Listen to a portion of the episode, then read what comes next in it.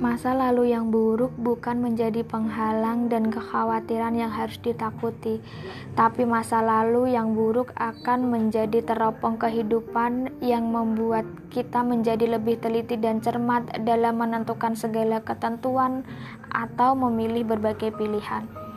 Jadilah orang-orang yang memiliki sikap optimis dan yakin terhadap diri sendiri yang mana kesalahan dan kegagalan dijadikannya pelajaran berharga untuk semakin dewasa dan bijaksana, kemudian berbuat lebih baik di masa saat ini dan masa yang akan datang sebagai sebuah investasi yang menjanjikan untuk kehidupan di dunia dan bekal di hari pembalasan.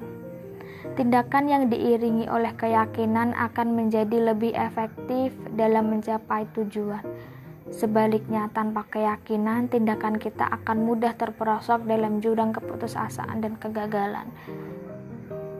Jadi dari sekarang, tanamkan keyakinan di dalam diri sekuat sekuat-kuatnya.